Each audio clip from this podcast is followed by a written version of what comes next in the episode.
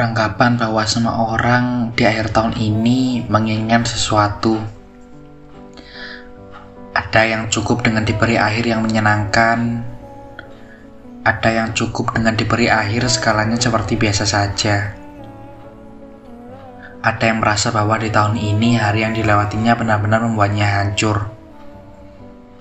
Kemudian ada yang setengah hancur, lantas mendapati harinya membaik setelah hadirnya rumah. Tidak apa, semua orang berbeda. Apa pun yang Tuhan beri di akhir nanti, barangkali itu bukan yang kamu ingin. Percayalah, Tuhan adalah segala yang tahu baik dan buruknya. Maka, dengan ini disertakan dengan perasaan yang biasa-biasa saja, saya mengharapkan yang terbaik untuk kamu. Jika tidak mendapati itu, terima saja. Mungkin besok atau barangkali lusa.